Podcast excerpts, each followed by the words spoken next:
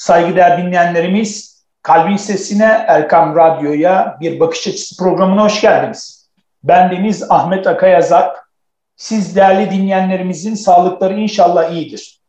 Efendim bugün programımızın konuğu ortopedi ve travmatoloji alanında uzman Profesör Doktor Fatih Küçük Durmaz hocamızla birlikte eklem kireçlenmesini ve tedavi yöntemlerini konuşacağımız programımız başlıyor. Değerli hocam hoş geldiniz. Nasılsınız? Hoş bulduk Ahmet Bey. Gayet iyiyim. Teşekkür ederim. Allah razı olsun değerli hocam. Vakit ayırdınız bizlere. Estağfurullah. Ee, Benim için Değerli hocam tabii e, kalça ve disk kireçlenmesi yaş ilerledikçe daha fazla görülen bilhassa bu pandemiyle beraber hem bizlerde hem de büyüklerimizde haddinden fazla bir e, sıkıntı da e, söz konusu oldu. E, bu alanla bu alandaki çalışmalarınızdan bahseder misiniz? Biraz da kendinizi tanıtırsanız bahtiyar oluruz değerli hocam. Estağfurullah. Tabii çok teşekkür ediyorum. Bana böyle bir fırsatı verdiğiniz için ben de Erkam Radyo e, dinleyicilerine selamlarımı ve e, iyi dileklerimi gönderiyorum. E, inşallah Allah sağlık, sıhhat versin e, hepimize. E, tabii e, sağlık, sıhhat dilemekle beraber hastalık hayatın bir parçası. E, bununla ilgili olarak da tabii e, pek çok tedavi yöntemiyle alakalı günümüzde e, bir takım e, imkanlarımız var. E, tabii ki pek çok hastalık hala işte koronavirüste gördüğümüz gibi tedavi yöntemlerine oldukça dirençli ama biz de elimizden geleni yapmaya çalışıyoruz. Benim e, uzmanlık alanım dediğiniz gibi ortopedi ve travmatoloji yani eklem ve kas hastalıkları e, temel olarak. E, tabii bunun içerisinde de pek çok e, ayrı e, uzmanlaşma alanı, üst ihtisas alanları var. Benim üst ihtisas alanım özellikle diz ve kalça cerrahisi ve e, bu konudaki e, en sık görülen hastalıklardan birisi olan kireçlenme ve bunun cerrahi tedavisi. Bununla ilgili olarak ben e, e, özellikle bilimsel çalışmalar ve işte bu konuda pek çok e, araştırmalar yaptım. E, bunların bir kısmını Amerika Birleşik Devletleri'nde iki sene e, Johns Hopkins Üniversitesi'nde Rotman Enstitüsü'nde devam ettim.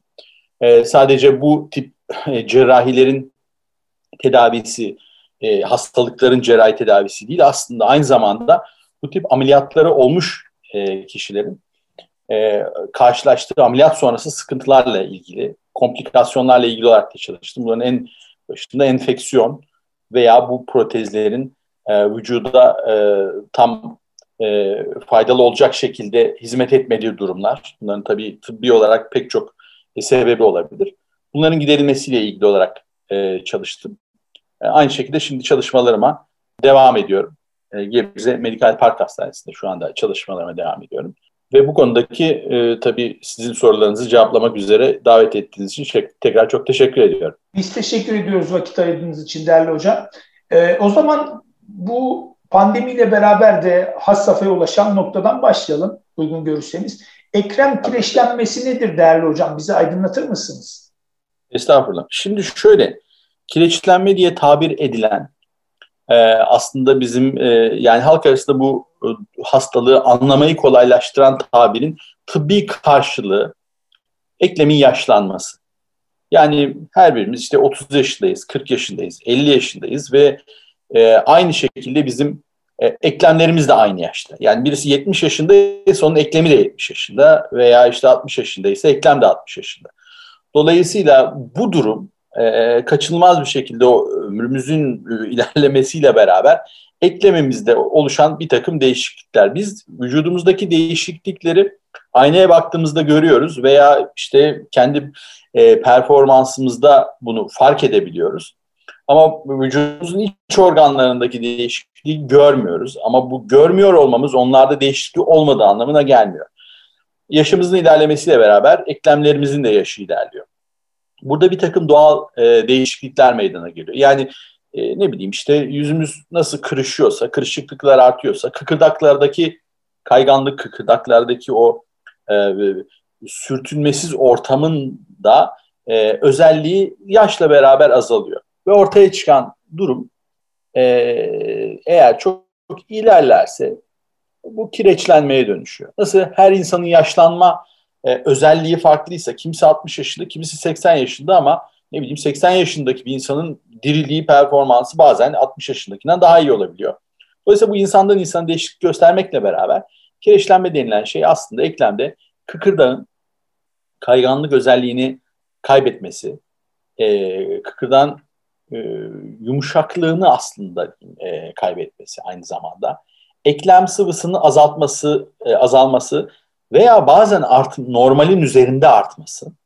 E, eklemdeki yapıların yapısal özelliklerini, mesela menüsküs diye kemiklerin birbirine her harekette darbe e, olacak şekilde çarpmasını engelleyen böyle ne bileyim bir conta gibi diyelim. Mesela bir doku vardır menisküs dokusu. Bunun yırtılması, aşınması bütün bunların hepsini beraber düşündüğümüz zaman kireçlenme aslında çok da güzel bir tabir. Başka Amerikalılarda, Amerika'da İngilizce'de böyle tam bunun bir karşılığı yok. Bu güzel bir tabir aslında. Ee, biz günlük hayatta karşılaştığımız bir şeyle e, e, eşleştirme açısından iyi bir tabir. Sonuçta buna kireçlenme deniyor. Ee, özetle eklemin e, yaşının ilerlemesi e, kireçlenme. E, değerli hocam, tabii kireçlenmeyle beraber mutlaka anlatacaksınız farklı teknikler, metotlar, belki ameliyat, e, protez. E, bu noktada tedavi süreci nasıl ilerliyor? Şimdi ilk önce şöyle isterseniz e, başlayalım. Yani kireçlenmenin en çok hastalarımızda veya yakınlarımızda bize sorulan soru kireçlenmenin ortaya çıkmasını nasıl engelleyebiliriz? Evet. Bu aslında çok önemli bir soru. Çünkü e, esasen modern tıbbın ortaya koyduğu e, en e, daha en heyecanla ortaya koyduğu şey tedavi seçenekleri. Halbuki hastalanmama noktasında daha ön planda bir takım hayatımızda değişiklikler yaparsak hastalıklarla karşılaşma ihtimalimiz daha az olur. Daha sağlıklı yaşarız. Şimdi bir insan hareket ettiği sürece ortopedik açıdan ve eklemler açısından öncelikle bunu söylüyorum hareketli olmak, hareket etmek e, esasen e, yani eklem sağlığını korumaktaki en önemli şey. Gerçekten hani e, çalışan demir ışıldar diye bir tabir vardır. Bu tam anlamıyla eklemler için geçerli. Ne kadar çok hareket olursa eklemler o kadar kendini yeniliyor. Ve bu bahsettiğim kireçlenme süreçleri daha az oluyor. Hareketten kastımız da aslında şimdi ev hanımları çok genellikle e, ev hanımlarında bir şöyle bir düşünce oluyor. İşte ben çok yoruluyorum. İş, ev işleriyle zaten çok yoruluyorum. Hani bu egzersiz sayılmaz mı? Bu tam olarak egzersiz sayılmıyor. Buradaki kas hareketleri, eklem hareket açıklıkları kısıtlı kalıyor ev işleri sırasında. Dolayısıyla oradaki o yorgunluk tam anlamıyla mesela bir spora tekabül etmiyor. Yani bir yürüyüş yapmak, e, tabiatta yürüyüş yapmak veya yürüyüş amacıyla dışarıda bulunmak falan bunlar aslında daha çok bir en basitinden egzersiz sayılabilir. Tabii bu egzersizi farklı şekillerde e, arttırmak mümkün. Dolayısıyla en önemli şey eklem kireçlenmesini önlemekte egzersiz. Onun dışında beslenme çok önemli. Ben hep söylüyorum yani bu ev yapımı yoğurt bana göre çok mucizevi bir e, hakikaten gıda. Yani bu, bu vücudumuzda o kadar çok şeyi etkileyen bir şey ki. E, biliyorsunuz bir sütün yoğurt haline gelmesi için bakteriler, yararlı bakterilerin orada bir e, o, o sütün yapısını değiştirmesi gerekiyor. Bu sadece bir kalsiyum kaynağı olarak düşünülmemesi lazım. O bakteriler aslında bizim bağırsağımızda son zamanlarda yapılan çalışmalarda bu öpke üstleriliyor. Bir koruma kalkanı oluşturuyor. Yani bir koruyucu bir ordu gibi aslında davranıyor. Ve dolayısıyla vücudumuzdaki pek çok e, olumsuz gelişmenin önüne bir engel olarak geçiyor. Dolayısıyla bu önemli. Bir başka şey C vitamini. C vitamininin vücuda çok önemli bir hakikaten e, yani bir katkısı var. Hücrelerin yenilenmesi açısından bir katkısı var. E, dolayısıyla aslında burada şöyle bir şey. Her şeyi yemek ya da yememek üzerinden korumak doğru değil ama sağlıklı beslenmek de burada çok önemli.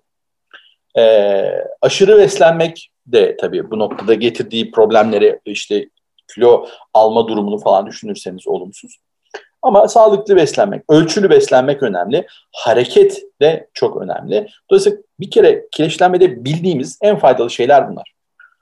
Kireçlenme olduktan sonra, olmaya başladıktan sonra nasıl hareket etmek lazım? Tedavi seçeneklerini söylediniz. Ben biraz böyle uzun bir giriş yaptım ama bir tedavi gerekip gerekmediği noktası da verilen e, karar e, ee, yani şöyle daha doğrusu bir şeyin hastalık olması lazım bir tedavi gerektirmesi için. Hastalığın tanımını çok basit olarak şöyle tarih yapalım. İnsanın Buyurun. günlük hayatını ve hayatının günlük ritmini değiştiren, olumsuz anlamda değiştiren şey hastalıktır. Bunu en geniş anlamıyla böyle tabir tarif edebiliriz. Ve bu bir hastalık olduğu zaman bu hastalık e, ilerlememesi için, bizim hayatımızı daha da aksatmaması için bir takım tedbirler almak lazım. Şimdi bu noktada e, çok uç noktalarda değil de biz şöyle düşünelim. Yani siyah şey, beyazdan siyaha kadar o, o aradaki green'in tonları noktasının herhangi bir yerinde hastalık olabilir. Yani çok beyaza yakın olabilir, çok siyaha yakın olabilir. Dolayısıyla burada ben neredeyim sorusunun asıl cevabını verecek kişi hastanın kendisidir. Hasta e, ne kadar e, hayatını aksattığını sadece kendisidir. Ben ne kadar hayatımı aksatıyor bu rahatsızlık, bu en geniş yani sadece kireçlenme açısından da değil aslında. Dolayısıyla bu noktada hastanın kendi içgörüsü çok önemli. Kendi gözlemi çok önemli. Yakınlarının gözlemi çok önemli. Eklem hastalıkları genellikle e, e, hayat temposunu, hareket temposunu azaltan şekillerde kendisini gösterir. Bazı insanlar ağrıya tahammül ederek buna devam eder veya ağrı kesici kullanarak devam eder veya hareketlerini azaltır.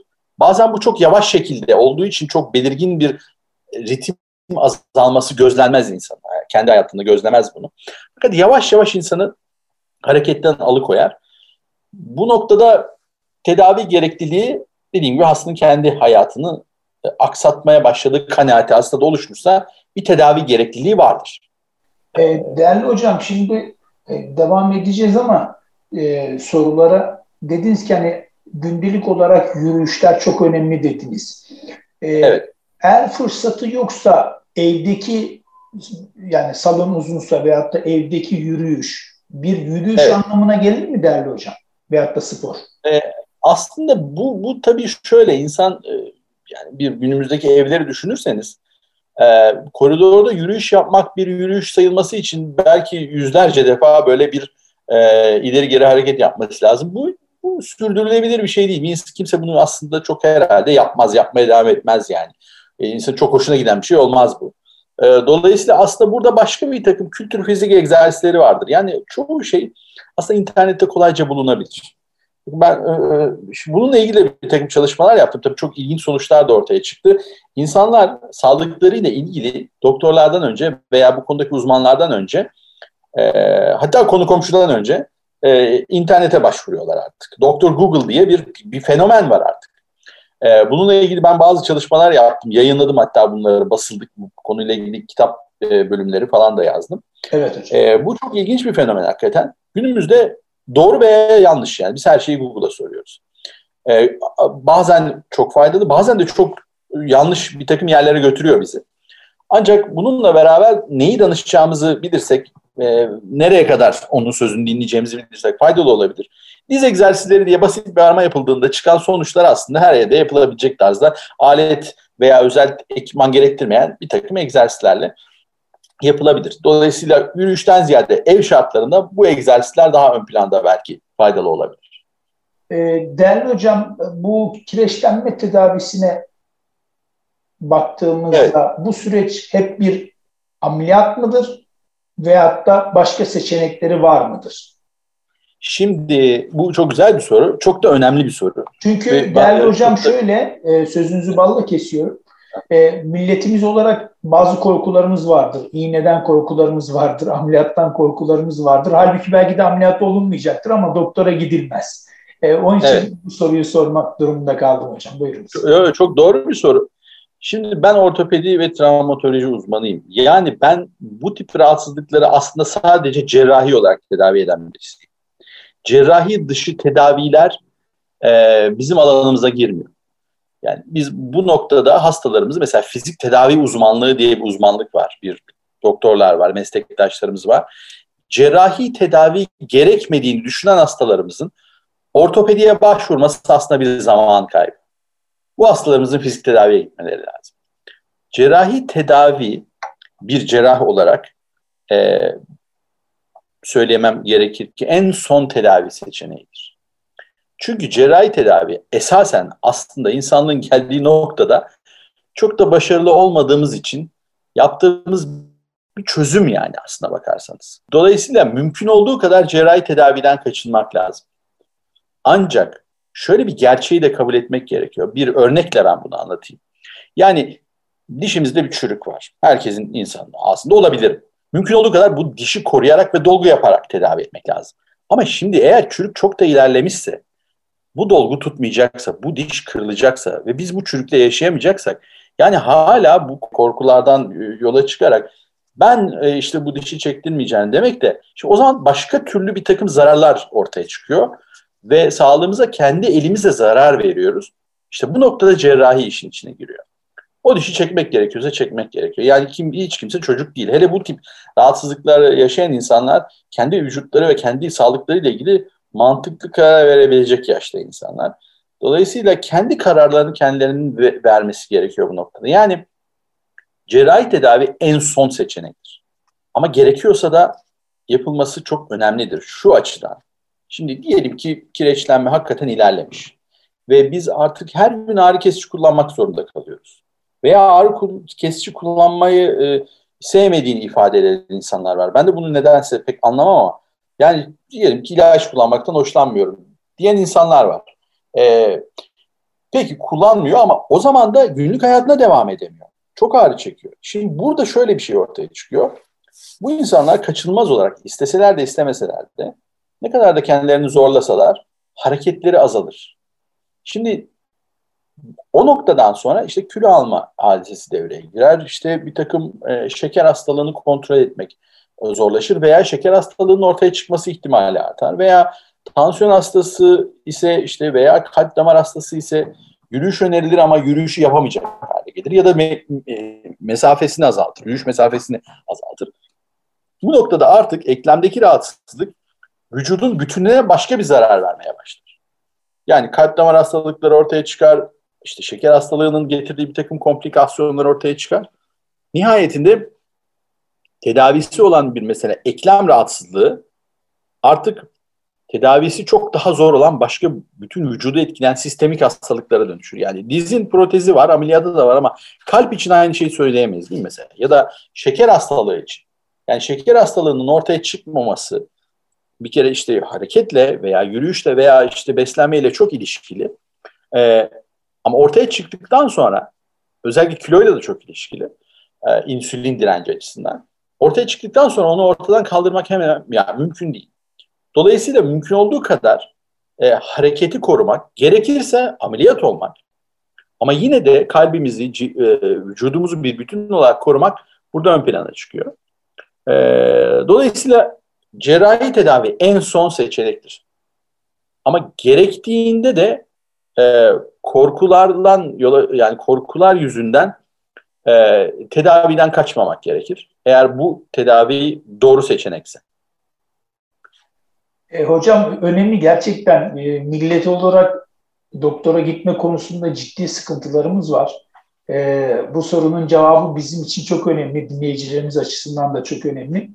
E, hocam bir araya gidelim inşallah ikinci bölümde devam edelim.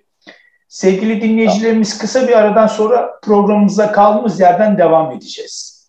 Kıymetli dinleyenlerimiz ortopedi ve travmatoloji alanında uzman Profesör Doktor Fatih Küçük Durmaz hocamızla eklem kireçlenmesini ve tedavi yöntemlerini konuştuğumuz programımız devam ediyor. Ee, değerli hocam ilk bölümde tabii bazı değerlendirmelerde bulunmuştunuz ancak ikinci bölüm de bizim için çok önemli. Burada ameliyatsız tedaviler özellikle e, iğne ile yapılan yani kök hücre tedavisi mümkün müdür? Evet, e, Ahmet Bey çok teşekkür ediyorum tekrar. E, bu bu da çok önemli bir soru, çok da evet. karşılaştığımız bir soru. Ameliyatsız tedaviler, evet ameliyatsız tedaviler vardır. Ancak bu kireçlenmenin hangi seviyede olduğuyla ilişkilidir.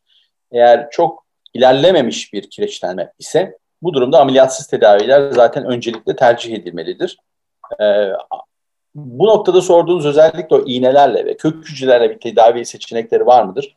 Bu belki kireçlenmenin çok başında olan ve çok halen maalesef çok e, faydası çok sınırlı olan tedavilerdir. Şimdi kök hücre veya yine PRP diye çok yaygınlaşan, reklamı çok yapılan bir takım tedavi seçenekleri var. Benim bununla ilgili de araştırmalarım var ve yayınlarım da var. Evet hocam.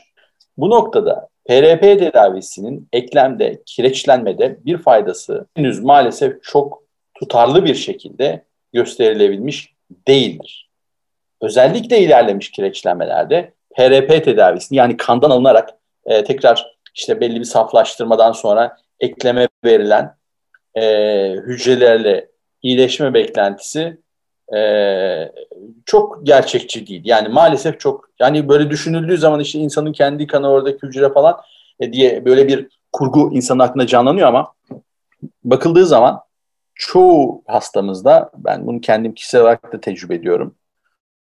E, çok faydası yok. Hatta hani uygulanması ben, bana kalırsa doğru bir şey değil. E, gün, günlük e, güncel literatüre göre. Kök hücre biraz daha farklı bir şey. Kök hücrede uygulamaları bir miktar daha başarılı ancak kireçlenme tedavisi için yine de günümüzde hala bir tedavi seçeneği olmuyor. Şimdi en başta konuştuğumuz noktaya dönersek, e, kireçlenme eklemi yaşlanması. Yaşlanma sürecinin önüne geçmek mümkün değil.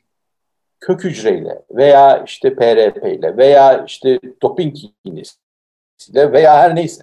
Yani yaşlanma sürecini durduran bir ilaç, bir uygulama yok. Dolayısıyla böyle işte kök hücre, PRP veya başka türlü iğneler ki bunlar da oldukça maliyetli tedaviler. E, bu tip tedavilerle biz yaşlanmanın önüne geçemeyiz. E, dediğim gibi en önemli şey burada hayat tarzı ile ilgili beslenme, hareket vesaire. Bunlarla ilgili değişiklikler ancak bir miktar e, yaşlanma sürecini yavaşlatabilir. E, fakat bu bahsettiğiniz iğneler günümüzde genel kabul görmüş, literatürde e, bir tedavi seçeneği değil. Yurt dışında bulunduğum dönemde bu tip tedavileri benim çalıştığım klinikte hemen hemen hiç uygulamazdık. Çünkü şimdi bir tedavi uyguladığınız zaman siz bunun tedaviyle ilgili sonucunu öngörebilmelisiniz.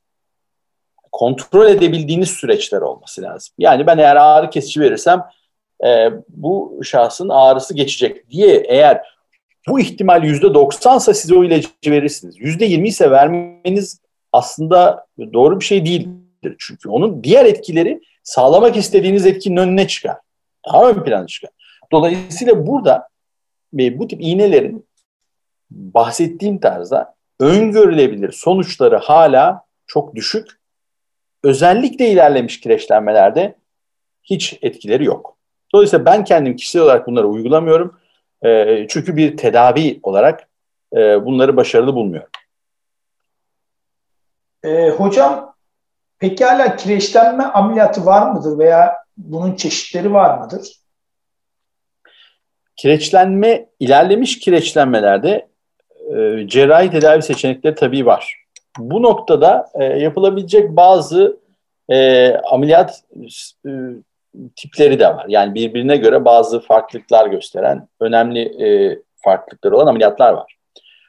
Buna birkaç örnek vermek gerekirse orta düzeydeki kireçlenmelerde e, eklemlere, e, eklemlerin kireçli bölgelerine, kireçlenmiş bölgelerine. Çünkü eklemde bir e, büyük bir yapı aslında. Farklı farklı temas noktaları olan bir şey. iki kemiğin bir, nokta, bir eklemde e, karşılaştığı yerler e, bazen belli bölgelerde daha yoğun mesela dizimizi düşünürsek dizimizin iç tarafında daha yoğun dış tarafa kenarına doğru olan dış tarafında daha az.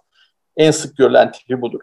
Böyle durumlarda eğer kireçlenme orta düzeyde ise kireçlenme olan bölgeye daha az yük binmesi için bazı kemik açısal düzeltme ameliyatları yapılabilir. Böyle olduğu zaman e, insanlar kendi eklemlerini muhafaza ettiği halde kireçlenmenin ilerleme süreci e, kontrol altına alınabilir. E, ve bu aslında bütün ameliyatlar arasında e, en aslında nasıl diyeyim yani dokulara en saygılı, dokulara en çok koruyan ameliyat seçeneğidir. E, ve mümkünse böyle bir ameliyat yapmak daha ileri düzeyde ameliyatlar yapmaya göre tercih edilir. E, bunun bir adım ötesi ise e, eklem protezi ameliyatlarıdır. Eklem protezinden kasıt şudur. Birbirine temas ederek sürtündükçe her harekette orta, ağrı ortaya çıkaran eklem yüzeyleri metal yüzeylerle veya bazen e, seramik yüzeylerle değiştirilir. Yüzey kaplaması yapılır aslında. Yani eklemin te, e, eklemin temas yüzeyleri e, ka, e, alınır. Burada kireçlenme e, e, olmuşluklar temizlenir ve buraya metal e, kaplama yapılır. Bu, bu protez ameliyatı denilen şey aslında budur. Ve böyle bir durumda e, e, hedeflenen şey eklem hareketiyle ortaya çıkan ağrının azaltılması ve eklem hareket açıklığının, açısının e, sağlanmasıdır. Şimdi burada şunu söylemek gerekir tabii. Yani bu ameliyatlar olduktan sonra hiç kimse e, işte belli bir yaştan sonra olduysa 20 yaşındaki dizine kavuşmayı e, düşünmemelidir. Ama günlük hayatını ameliyat öncesi duruma göre daha rahat ettirebileceği bir duruma kavuş, e, kavuşacaktır. Dolayısıyla böyle bir beklentiyle yapılan ameliyatlardır. E, dolayısıyla evet, kalça veya dizde e, kireçlenmeyle ortaya çıkan durumu ortadan kaldırmak için ameliyatlar vardır ve bunun farklı şekillerde tipleri vardır. Hastanın e, durumuna göre ve kireçlenme ilerleme durumuna göre bunlardan uygun olanı seçilir. E, hocam pekala rahatsızlık e, ortaya çıktı ve artık hastaneye geldi kişi. Burada ameliyat kararı neye göre veriliyor? Şimdi burada bu çok çok kritik bir şey hakikaten.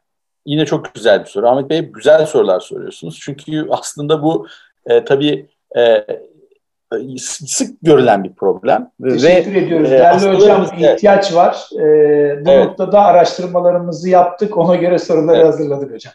Evet, evet. Yani bu noktada şöyle, e, hastanın bir kere e, en önce bu noktada karar verecek e, merci hastadır. Hastanın kendisidir. Yani ben e, kendim kişisel olarak hangi noktada olursa olsun kireçlenmenin seviyesi hastayı ameliyat etmek üzere ikna etmek istemem. Etmem de. Çünkü bu acil bir ameliyat değildir. Yani şimdi Allah korusun bir trafik kazası oldu. Bir hastanın başına çok acil bir, bir şey geldi. O zaman hastaya sormazsınız. Ya bu parmağı buraya dikeyim mi diye sormazsınız. Ya da ne bileyim işte e, bir damarı kanıyor. Ya bunu ben e, tamir edeyim mi yoksa böyle kanamaya devam etsin mi diye sormazsınız. Bu acil durumdur. Ve siz müdahale edersiniz. Kimseye de sormazsınız. E, çünkü oradaki yani kişinin e, doğru karar vermesi mümkün değildir. Yakınlarının da zaten öyle bir şeye müdahale etme hakkı da yoktur aslında insani anlamda. Dolayısıyla bu acil bir bu tip durumlar acil durumlardır. Ama kireçlenme acil bir durum değildir. Hastanın kendi e, hayat tercihleriyle alakalı. Yani ben hiç hareket etmeyeceğim. Böyle bir köşede oturacağım. Ve yani ben böyle yaşayacağım diyebilir hasta. Bu bir tercihtir yani. Dolayısıyla e, tedaviyi reddedebilir, istemeyebilir. E, veya diyebilir ki ben böyle yaşayamam. Yani bu şekilde devam edemiyorum. Ağrı kesici içiyorum ama sürekli içiyorum. E, bu da böbreklerime, ciğerime, karaciğerime dokunuyor. E, ben hareket edemedikçe psikolojim bozuluyor. Sürekli ağrı yaşıyorum. E, tamam o zaman e, başka bir seçenekte işe yaramıyorsa ameliyat olmak gerekir. Ama bu kararı hasta evet ben ameliyat olmak istiyorum diye kendi motivasyonu kendisinin karar vermesi lazım. Çünkü Ahmet Bey hiçbir zaman ağrı ölçülebilen bir şey değildir aslında. Şimdi kan tahlili yaparsınız ve kan düzeyini ölçersiniz, minerali ölçersiniz, vitamini ölçersiniz, e, röntgen çeker, e, kireçlenmenin düzeyine de bakarsınız ne kadar ilerlemiş. Ama ağrı subjektif bir şeydir. Ben az hissederim, siz çok hissedersiniz, başkası orta hisseder. Ve bunun ortaya çıkardığı sonuç itibariyle baktığınız zaman bu benim hayatımı çok etkiler veya başkasının hayatını az etkiler. Bunu da kişinin ancak kendisi bilir. Dolayısıyla bu noktada karar hastanın kararıdır. Ben ameliyat olmak istiyorum diye bana başvuran hastaları ameliyat ediyorum. Ben ameliyat olmak istemiyorum diyen hastaların zaten benim faydam olmaz yani. O hastanın fizik tedaviye gitmesi lazım ya da ne bileyim başka bir, bir tedavi araması lazım. Ben cerrahi tedaviyi iyi yaparım. Cerrahi tedavi nasıl yapıldığını iyi bilirim. Bu benim mesleğim. Ama hastanın buna karar vermesi gerekir. Hasta nasıl karar vermelidir? Bu, bu, bu çok kritik. Eğer ben gündelik hayatımı aksatacak derecede bir hareket azalması yaşamaya başladıysam ve buna bağlı olarak özellikle kilo almaya başladıysan, e, sosyal hayattan eskisi kadar e, sosyal hayata katılamıyorsam, e, gündelik hayatımı etkileyecek derecede, beni meşgul edecek derecede bir ağrı problemini sürekli yaşıyorsam, her gün ağrı kesici alıp da kendime böyle zarar verecek hale geldiysem, o zaman ameliyat olmam gerekir. Yani bu genel anlamı, genel çerçevede istisnalar haricinde böyledir. Özellikle kalp hastaları, tansiyon hastaları, şeker hastaları için bu daha önemlidir. Çünkü hareket onlar açısından çok daha önemlidir. Burada ufak bir ekleme daha yapayım. Çok lafı uzatmak istemiyorum ama. Buyurunuz hocam. Şimdi bazı hastalarımıza özellikle bazı meslektaşlarımız da maalesef böyle yaklaşıyor. Yani bu ameliyat için yaşın erken. Mesela hastalık çok ilerlemiş. Ben yürüyemiyorum. Daha geçen dün itibariyle böyle bir hastam başvurdu. Yani ben hareket edemiyorum. Yürüyemiyorum ama bana dediler ki dayanabildiğin kadar dayan. Yaşın çok genç. Şimdi bu çok yanlış bir yaklaşım. Bir hasta bir tedaviye ihtiyaç duyuyorsa o hastalığı yaşadığı yaş her neyse o yaşta o tedavi alması lazım. Yani ben bu şekilde sen ağrıyı 20 yıl daha çek, 10 yıl daha çek ve sonra ameliyat ol. Ee, yanlış bir yaklaşım. O zaman o 5 yılı, 10 yılı ağrı çekerek veya işte e, bu, bu, bu rahatsızlığın getirdiği problemleri yaşayarak geçir diye hastaya teklif edilmiş oluyor ki bu çok yanlış bir yaklaşım. Böyle ameliyatlar her yaşta yapılabilir. Gerekiyorsa yapılabilir.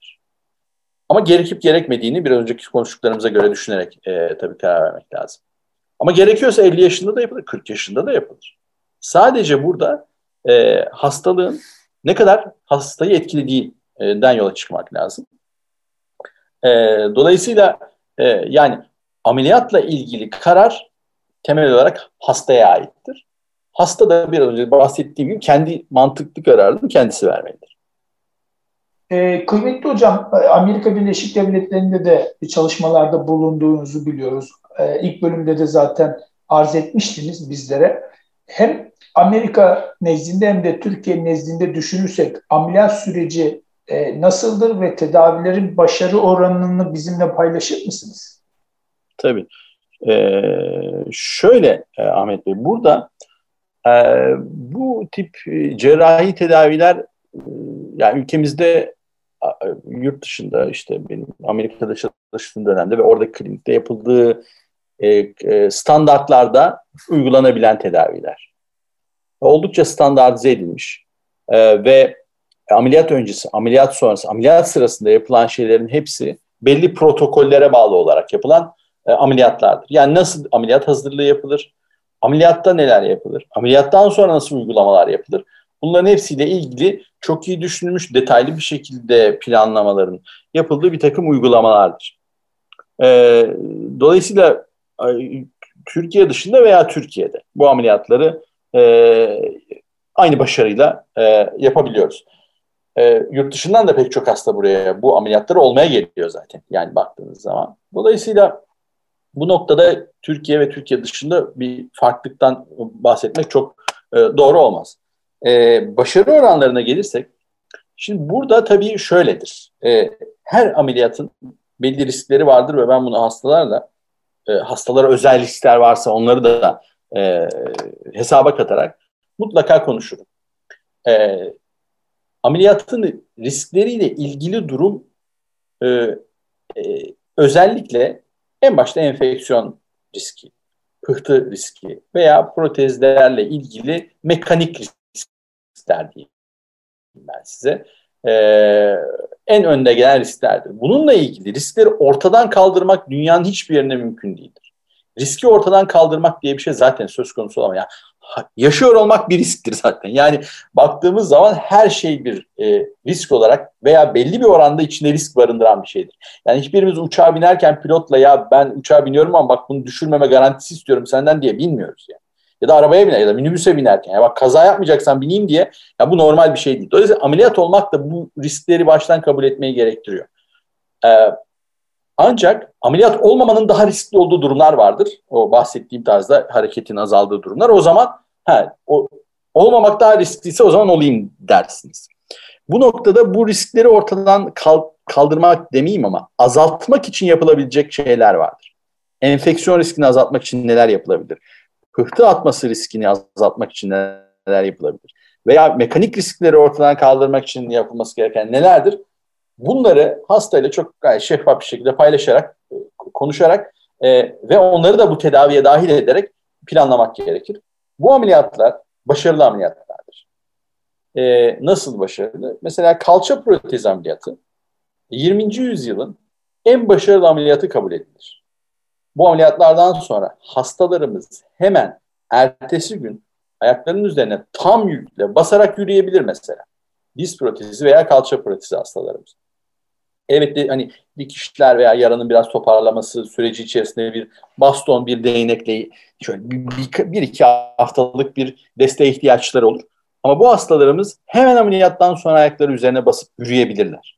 Yani yatarak iyileşen ameliyatlar değildir bu. Ben her zaman söylerim hastalarıma. Bu noktada ancak bana söz verirlerse o ameliyatı yaparım.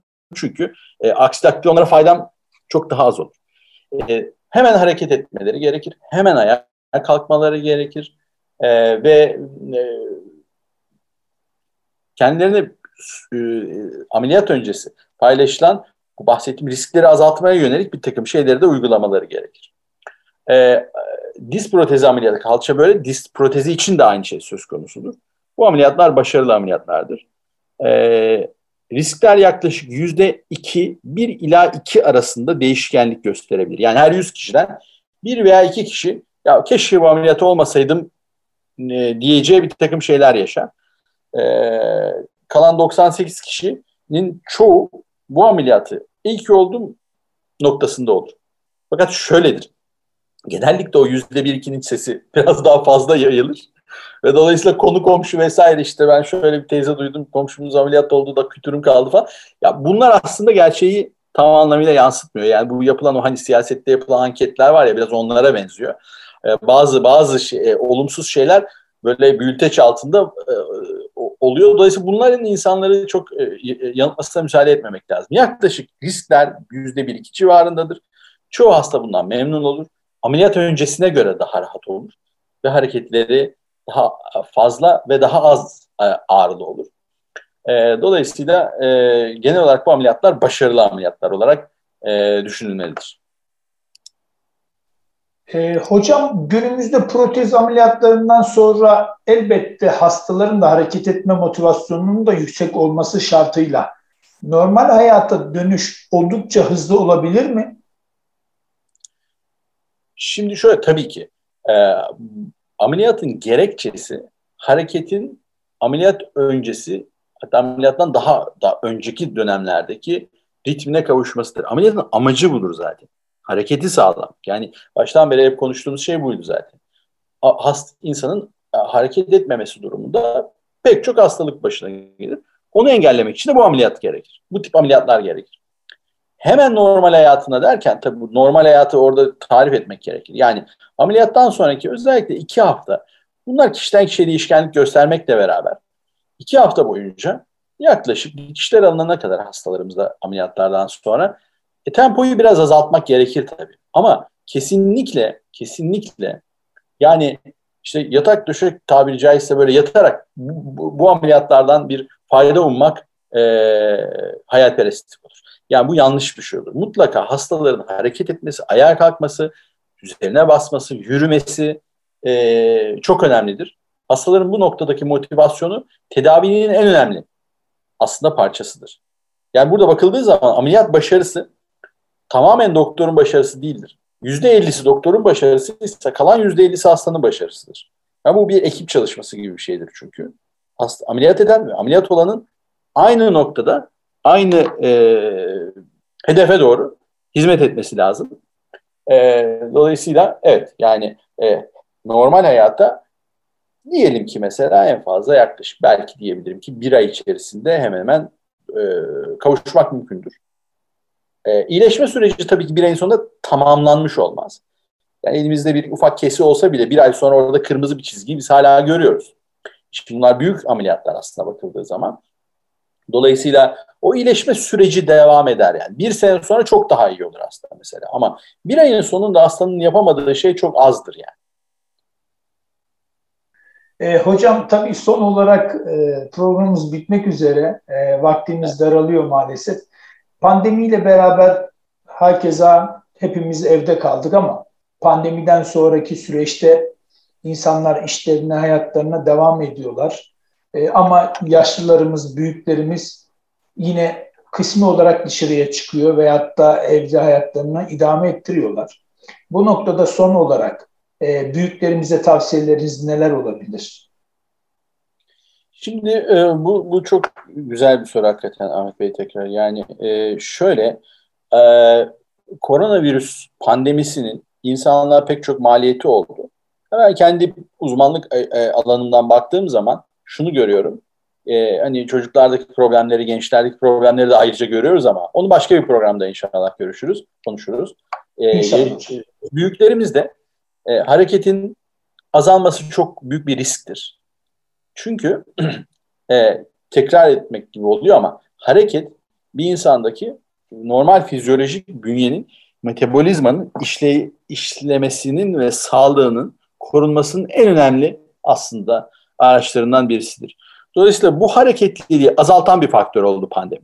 Yani evde daha çok kalır, evden dışarıya daha az çıkar oldu. Böyle olduğu zaman da pek çok sağlık problemi ortaya çıktı. E, tabii eklem ve kas hastalıkları da e, burada kendine düşen payı aldı. E, şöyle önerilerim olabilir. Şu anda pandemi ile ilgili olan o ilk dönemlerdeki panik hali ortadan kalktı. Yani e, e, o kadar da böyle korkacak bir durumda değiliz. Yani sokağa çıkmayacak kadar korkmaya gerek yok. Gerekli önlemleri alarak e, hastalarımızın açık havada e, yürüyüş yapmaları, e, uygunsa evlerinin etrafında, kaldıkları yerin etrafındaki parklar, bahçeleri kullanmaları e, ve e, eğer çok e, sıkıntı olmayacaksa işte alışveriş veya işte dışarıdaki bir takım market, bakkal vesaire böyle şeyleri e, ya hayata katılmaları önemli. Çünkü e, genel sağlıkları açısından bu onlara bir mutlaka çok e, fayda verecektir. Ev içerisinde spor yapmak falan bizim kültürümüzde böyle şeyler tabii bu sürekli olan şeyler değil. E, genç insanlar açısından da bu bir bizim kültürümüzün bir parçası olmadığı için bunlar geçici oluyor ama yani günlük hayatın içerisinde bu tip böyle hareket sağlayan, kazandıran bir takım aktiviteleri yedirerek içerisine dahil edersek o zaman daha gerçekçi, daha sürdürülebilir bir durum e, ortaya çıkmış olur. Dolayısıyla bence günlük hayata e, dönüş açısından tedbirleri almak suretiyle e, mümkün olduğu kadar dahil olmak benim en önemli e, tavsiyem olabilir. Ama burada tabii tedbir konusunu tekrar vurgulamak istiyorum. Aşı konusunu tekrar vurgulamak istiyorum.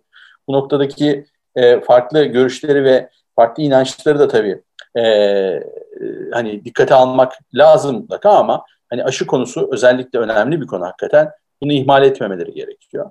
E, ve maske konusunu, mesafe konusunu bu şartlarla e, hareketlerini arttırmalarını tavsiye ederim. Hocam çok teşekkür ediyoruz bize vakit ayırdığınız için. Estağfurullah. Ben çok teşekkür ediyorum. Tekrar Erkam Radyo e, dinleyicilerine selamlarımı, hürmetlerimi sunuyorum. Allah razı olsun. Çok teşekkür ediyoruz. Kıymetli dinleyenlerimiz ortopedi ve travmatoloji alanında uzman Profesör Doktor Fatih Küçük Durmaz hocamızla eklem kireçlenmesi ve tedavi yöntemlerini konuştuğumuz programın sonuna gelmiş bulunmaktayız. Efendim kaçıran veya tekrar dinlemek isteyen dinleyicilerimiz için erkamradyo.com internet sitemizden hem bu programı hem de geçmiş programlarımıza ulaşabilirler. Efendim haftaya aynı gün ve saatte yeni bir konu ile huzurlarınızda olabilmek duasıyla. Kulağınız bizde olsun, Allah razı olsun.